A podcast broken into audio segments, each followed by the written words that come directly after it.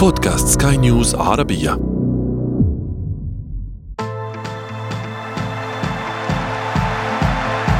أثير الكرة.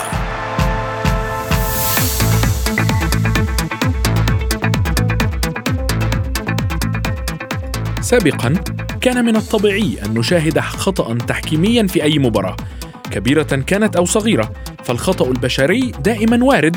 لكن وبعد ظهور تقنية الفار في ملاعب كرة القدم توقع معظم متابعي اللعبة بأن زمن هذه الأخطاء قد انتهى وهذا على ما يبدو لم يحدث. فالأخطاء موجودة والنقد أصبح أكثر حدة. فمن المجني عليه الحكم أم الفار؟ سؤال محير فعلا. وأسئلة أخرى كثيرة نناقشها ونبحث في إجاباتها اليوم في أثير الكرة. معي أنا محمد عبد السلام ولكن دعونا اولا نبدأ من العناوين. بعد أكثر من عشرة أعوام الفار تحت طائلة الانتقادات. الأندية والحكام من ظلمت تقنيه الفيديو؟ وفي فقرة ما لا تعرفونه عن كرة القدم نكشف لكم أبرز مشادات كونتي داخل المستطيل الأخضر. أثير الكرة.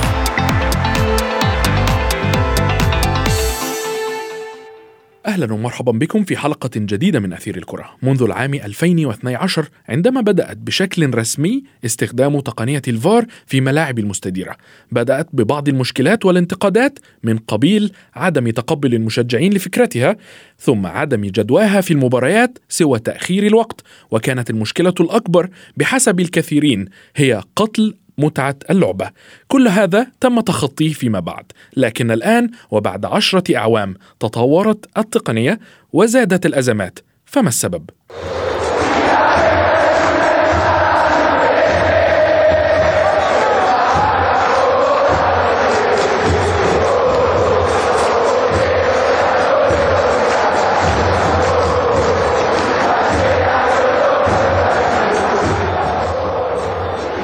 لمزيد من الحديث بشأن هذه الأزمات وأسبابها ينضم إلينا الحكم الدولي السابق كابتن ياسر عبد الرؤوف. مرحبا كابتن ياسر. كابتن ياسر في رأيك أولا ما هو سبب هذه الأزمات وانتشارها تحديدا ضد تقنية الفيديو؟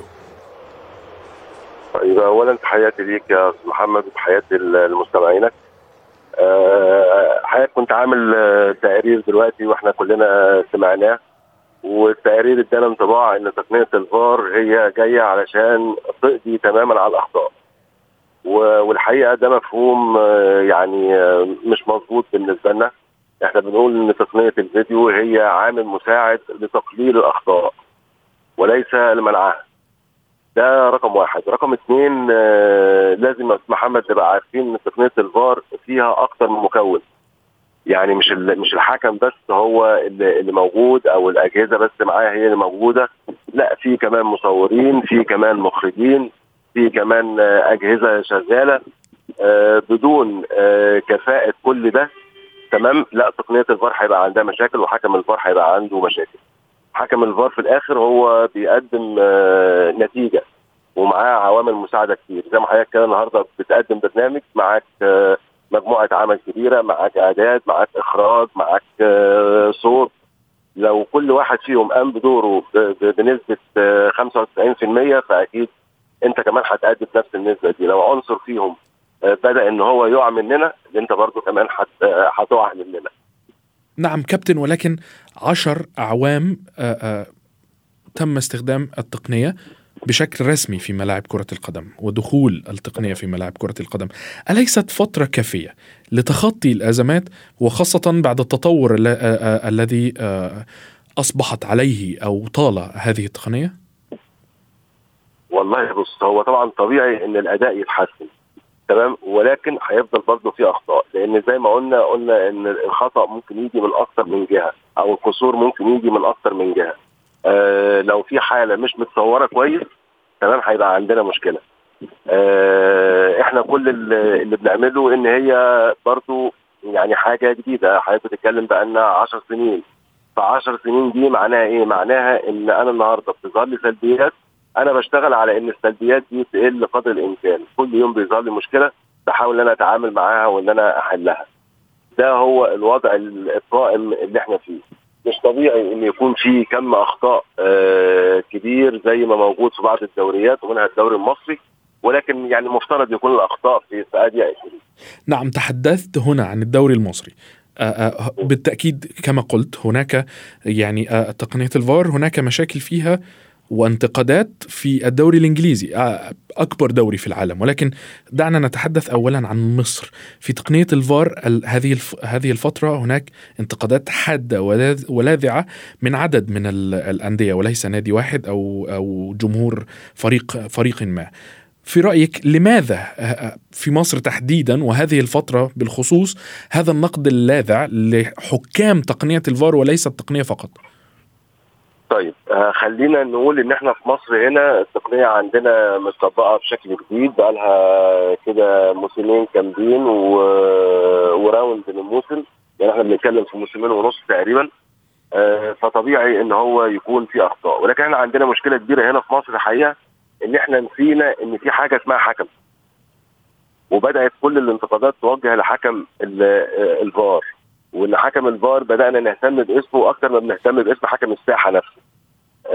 فكل الكلام ده لا بالنسبة لنا ان هو مفترض إن هو ما يكونش طبيعي لازم إن إحنا الأول نشتغل على حكم الساحة وحكم الساحة بيتعامل طبيعي جدا اكن ما فيش مساعد ليه آه تقني وبعد كده نبدأ لما هو يغلط حكم الفار يبدأ يتدخل ويبدأ إن هو يصلح له أخطائه وفقا للبروتوكول اللي موجود في الأربع حالات اللي هم موجودين اللي أعتقد إن الناس كلها حافظاهم. نعم آه عندنا مشكلة ثانية محمد عندنا مشكلة كبيرة في التصوير الحقيقة. آه زوايا الكاميرا والكاميرات المستخدمة والكاميرا مان يعني هو بيستخدم الكاميرا فيما خصصت له أو لها ولا لأ. آه الإخراج كل دي عوامل مساعدة لأن حكم فار بدون صورة ما ملوش أي قيمة الحقيقة. نعم ولكن كابتن ألا ألا يدري القائمين على هذه الأندية بهذه الأزمات تحديدا وخاصه كما قلت هناك أزمة في التصوير وزوايا الكاميرات التي التي تساعد تقنية الفار على احتساب الأخطاء سواء كان تسلل مثلا أو أو إلى ما ذلك. ألا يعلم القائمين على هذه الأندية بهذه المشاكل؟ طيب خلينا نقول يا أستاذ محمد إن أنا كنت واحد من المجموعة اللي كانت موجودة في أول دخول تقنيه الفار لمصر. وكان من ضمن شروط البروتوكول إن لازم نقعد مع الأندية ونعرفهم التقنية بتشتغل إزاي وإيه الحالات اللي بتدخل فيها و و يعني كل الكلام ده من ضمن البروتوكول. نفس الوضع بالنسبة للإعلام والإعلاميين برضه من ضمن الشروط بتاعة البروتوكول إن إحنا لازم أو الإجراءات بتاعة البروتوكول بتاعة الفار إن إحنا لازم نقعد مع الإعلاميين وبرضه نتكلم معاهم ونفهمهم إزاي العملية دي بتشتغل. آه الكلام ده الحقيقة تم من سنتين ونص. آه كان المفترض بعد كده إن آه لجان الحكام اللي كانت موجودة واتحاد الكورة اللي كان آه موجود قبل كده أو اللجنة المؤقتة وبعديها آه اتحاد الكورة اللي هو بالانتخاب إن كان لازم يحصل تنسيق بينه وبين البروديوسر اللي هو الجهة النقله علشان يتم فيها الاتفاق على كل الإجراءات اللي هو طالبها البروتوكول. وخاصة إن إحنا لازم نعرف إن البروتوكول محدد أماكن الكاميرات وأماكن تغطيتها للملعب بحيث إن يكون الملعب كله متغطي بكل الكاميرات اللي هي بتنقل خلال 90 دقيقة. يعني ما فيش حدث يقع مننا. إحنا كحكام فار بقى يعني لو حكينا حكام الفار. ولكن الحقيقة ده ده ده, ده مش بيتم. آه بيتم بالشكل الكافي. ممكن يكون بيتم بس مش مش باستقرار مش بمعالجة السلبيات اللي بتظهر آه أول بأول. ويمكن ظهر عندنا الأسبوع اللي فات تحديدا كان في مشكلة ماتش الأهلي والمصري إن في حالة إحنا ما عرفناش هي تسلل ولا مش تسلل لأن الكاميرا المخصصة للتسلل كانت في التوقيت ده بتقوم بدور تاني مش دورها. فبالتالي فقدت الحالة وحكم الفار ما قدرش إن هو يشتغل عليها بالتقنية وبالنقط ويظهر لنا خطوط وبالتالي خلاص إحنا خدنا قرارات الحكم اللي في الملعب أو المساعد اللي في الملعب وده وفقا للقانون سليم ووفقا لتقنية الفار هو ده الإجراء السليم. نعم كابتن ابقى معي فاصل قصير ثم نتابع بعده باقي موضوع اليوم من أثير الكرة. أثير الكرة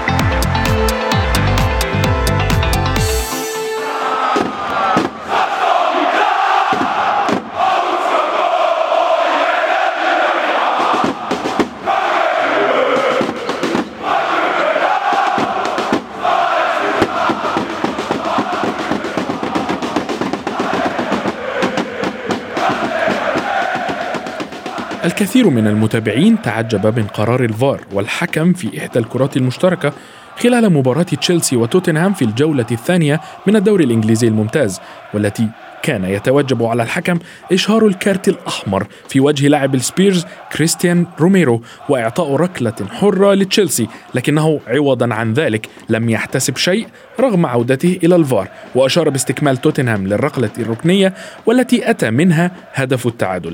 فمن الملام في هذا الخطأ؟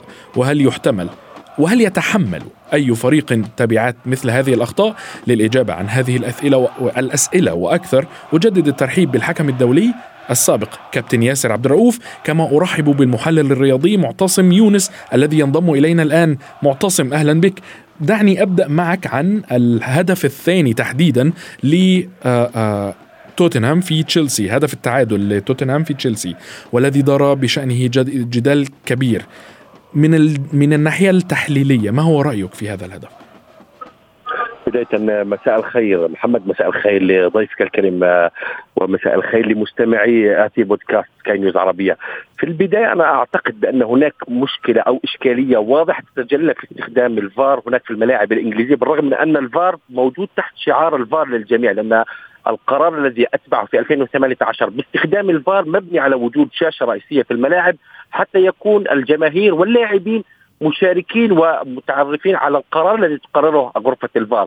المشكلة التي تحصل الآن هي مشكلة هوية، مشكلة صراع واضح ما بين حكام الساحة وما بين حكام الفار لأن النص الفيفا عندما تم تطبيق استخدام الفار يتحدث بأنه video assistant referee أي بما معنى أنه حكم مساعد عند الصلاحية التي مخولة لحكم الساحة يقوم باستخدام الفار ولكن ما حصل هو أصبح تمادي أصبحت سلطة حكم الساحة أقل من من تدخلات الفار والذي أصبح يفرض رأيه في بعض الحالات.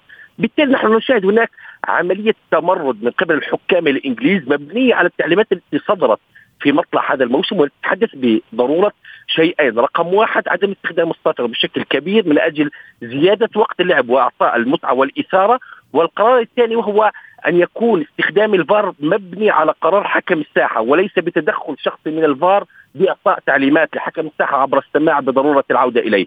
ما حصل في لقاء توتنهام هوتسبير أمام تشيلسي ستامفورد بريدج والذي نعتقد بأن أن اللقاء الحكم أنثوني تايلور بصراحة له وعليه الكثير من الكلام وعليه الكثير من علامات الاستفهام كما تحدث في كلا الهدفين ولكن في في لقطة الهدف الثاني والتي كان هناك خطأ واضح على روميرو بسد آه، شعر مدافع تشيلسي بالنسبة لكوكوريلا كان الأولى أن يتدخل الفار في هذه اللقطة ولكن نتيجة التبعات أو نتيجة الحالات السابقة التي حصلت من من من تداخل في السلطات ما بين الفار وبين حكام الساحة أصبحت هناك الأخطاء تقع وأصبح هناك فرق تتضرر. في هذه اللقطة بالتخصيص كان لابد أن يعود حكم الساحة إلى حكام الفار كما كان أيضا ذات الحال في اللقطة الأولى في لقطة الهدف الأول كان هناك خطأ واضح لكاي هافيرتز المهاجم الألماني لتشيلسي على كريستيان روميرو وبنتانكور عرقلة واضحة مزدوجة من كليهما ولكن الحكم أعطى مبدأ الأفضلية وأنه لم يشهد بان التدخل كان على القدم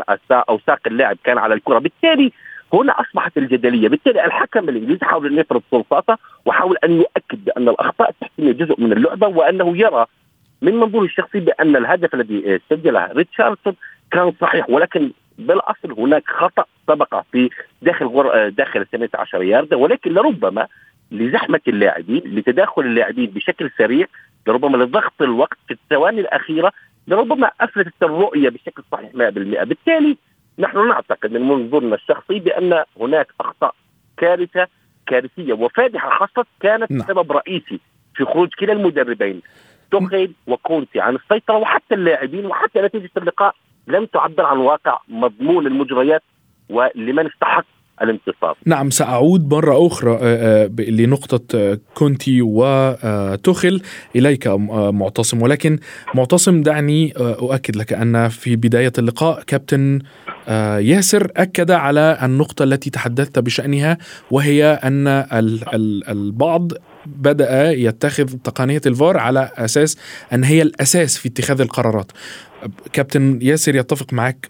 كابتن ياسر تحدثت معك قبل الحلقة بشأن الحالة التحكيمية والجدال التحكيمي عن الهدف الثاني لتوتنهام وعدم عودة الحكم آه، آه، لتقني للفار في في عندما جذب كريستيان روميرو شعر آه، كوكويلا من لاعب تشيلسي.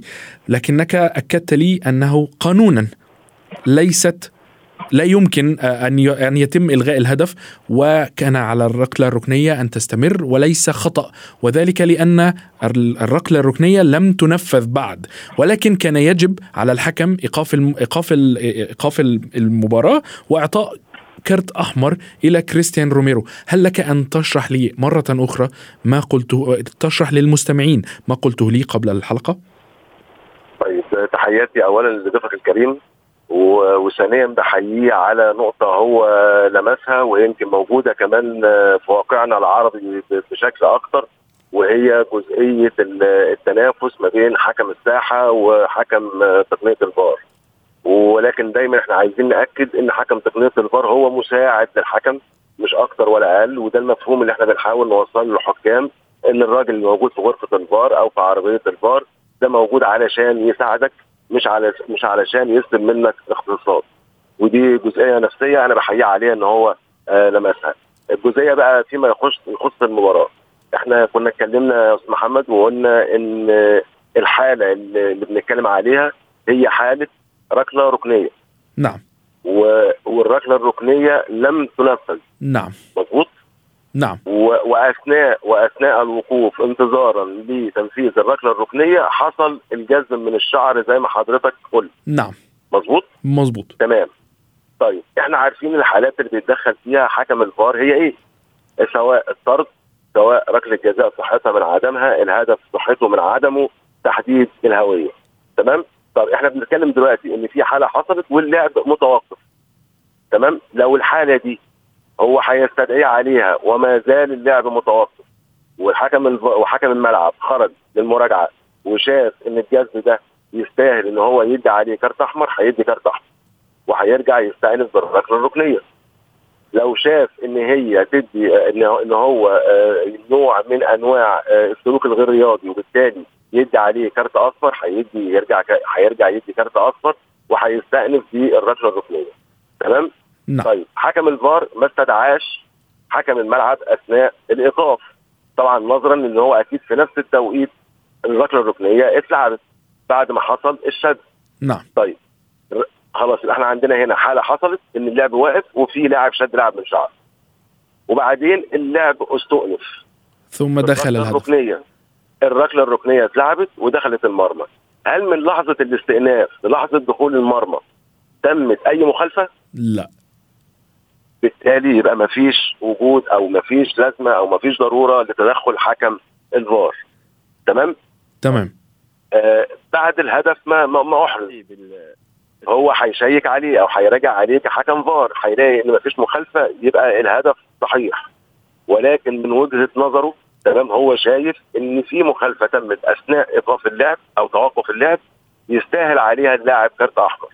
وبالتالي أعتقد إن هو ده اللي استدعى تم عليه وحضرتك برضه تأكد لي المعلومة إن أثناء المراجعة الميدانية في الملعب الصورة اللي عرضها آه، حكم الفار لحكم الملعب كانت عبارة عن إيه؟ الخطأ آه، أنه آه، لا يوجد خطأ في في الكرة التي رجعها الحكم. ليس خطأ عند لعب يعني الركلة الركنية. ولكن تمام. يعني نعم. تفضل حضرتك. نعم. هنا سأعود مرة أخرى إلى إلى معتصم. معتصم يعني الجدال بشأن آه، الفار زاد كثيرا هذه الأيام ولكن في رأيك أين هو الخلل في رغم التطور في تقنية الفار؟ أنا أنا أسمح لي أخي محمد أنا أعود لكابتن آه، للكابتن ياسر في نقطة محورية قام بذكرها مذكورا في البداية أنا أحترم جدا حكام كرة القدم إنها واحدة هي لربما أصعب مهنة على وجه الأرض أن تكون حكم وقاضي كرة قدم في ارضية الميدان لأن الأمور تحصل باجزاء من الثانية وكل قرار له تبعاته لربما حتى على المدار الطويل من عمرك أو مسيرتك المهنية. ولكن في في, في مباراة توتنهام وأمام تشيلسي ما حصل باختصار، أنا أعلم جيدا بأن كل حكم لديه نسبة كبيرة من اتخاذ القرارات مبني على رؤيته الشخصية بعيدا عن ما يقره حكم الرأي بعيدا عن ما يقوله حكام الفار هو لديه شخصية لديه أسلوبه الخاص لديه نظرته. أنا أعلم أن الحكام في كرة القدم الانجليزيه لديهم حجم أكبر من الصلاحية في التداخل اللعب أو اللعب الخشن أو الالتحامات البدنية بعكس دول أخرى أو بطولات أخرى. لربما يكون حساسية أعلى على أقل آه، التحام ربما تكون هناك صافره حاضره ولكن في إنجلترا ربما هناك حجم أكبر من الصلاحية في في منح اللاعبين فرصة أكبر للتدخل البدني. ما حصل؟ في هذا اللقاء باختصار بأن الحكم انتوني تايلور قام بمعالجة خطأ أول بأخطاء ثانية لأن اصبح هناك الالتحامات البدنية متكررة أصبحت هناك عملية تغاضي أصبحت هناك عملية مبدئي تحت الفرصة بشكل مبالغ فيه. بالتالي هو أصبح يعالج كل خطأ بخطأ. في كل لقطة يحصل التحامات نشاهد أن هناك فورة لدى الجماهير وفورة لدى اللاعبين. الحكم انتوني يعطي مبدئي تحت الفرصة سواء كان بشكل صحيح أو بشكل خاطئ. بالتالي عملية المعالجة بشكل خاطئ خطأ تلو الخطأ أو فرصة أو حالة تلو الحالة هو من أوصل اللقاء إلى المرحلة التي وصل إليها بأنه أصبح يتغاضى حتى عن الأخطاء الحقيقية.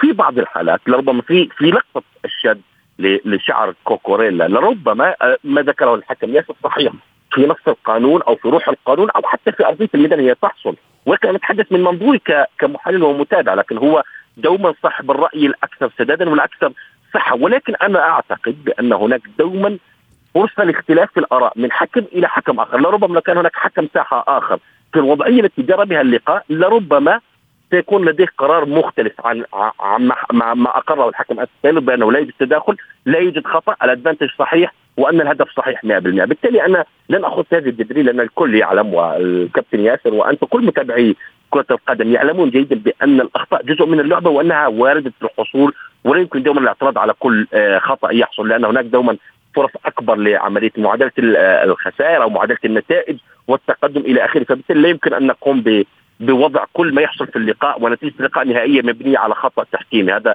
شيء عابر يحصل في أي مباراة كرة قدم.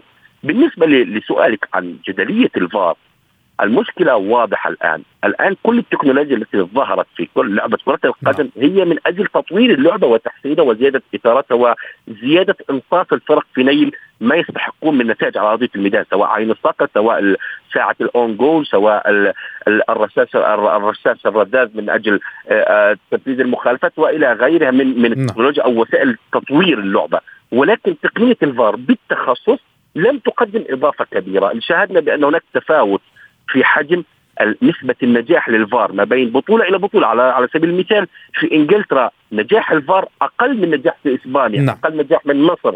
وبالتالي هنا أصبحت مشكلة حقيقية بأن منظومة التحكيم في أي بطولة محلية أصبحت تعاني من كيفية استخدام الفار ومتى يتدخل بشكل صحيح وصارم بالتالي بالتأكيد كابتن معتصم الحديث عن تقنية الفار والأزمات والانتقادات التي توجه إلى الحكام تحديدا وليس تقنية الفار فقط. لن ينتهي. شكرا جزيلا لك المحلل الرياضي معتصم يونس وأيضا الحكم الدولي السابق كابتن ياسر عبد الرؤوف. المشادة والشجار الذي نشب بين المدربين الإيطالي أنطونيو كونتي بعد مباراة فريقيهما توتنهام وتشيلسي في الجولة الثانية من الدوري الإنجليزي الممتاز ليست الأولى وبالتأكيد لن تكون الأخيرة في المستطيل الأخضر لكنها ليست الأولى تحديدا للإيطالي كونتي. واليوم فيما لا تعرفونه عن كرة القدم نكشف لكم أبرز هذه المشاجرات. منذ أن ترك أنطونيو كونتي المستطيل كلاعب ودخل إلى عالم التدريب لم يمنعه الظهور بشكل وزي رسمي من الشجار سواء مع اللاعبين أو المدربين على حد سواء. والتي من أبرزها الشجار مع special 1 البرتغالي جوزي مورينيو.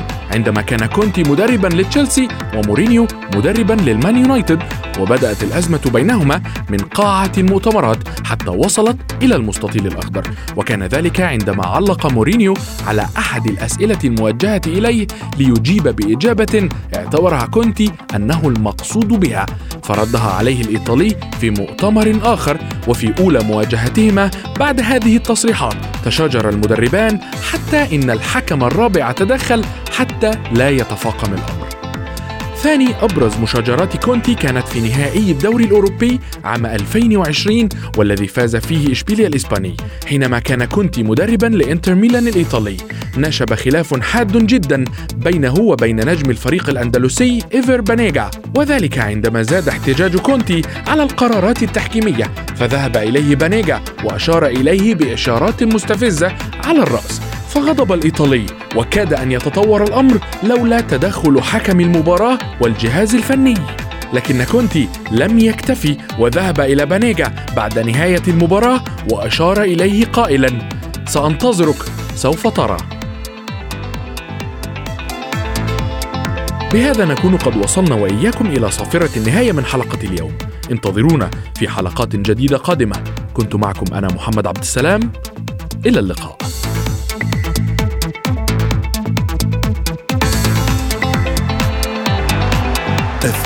Sakura.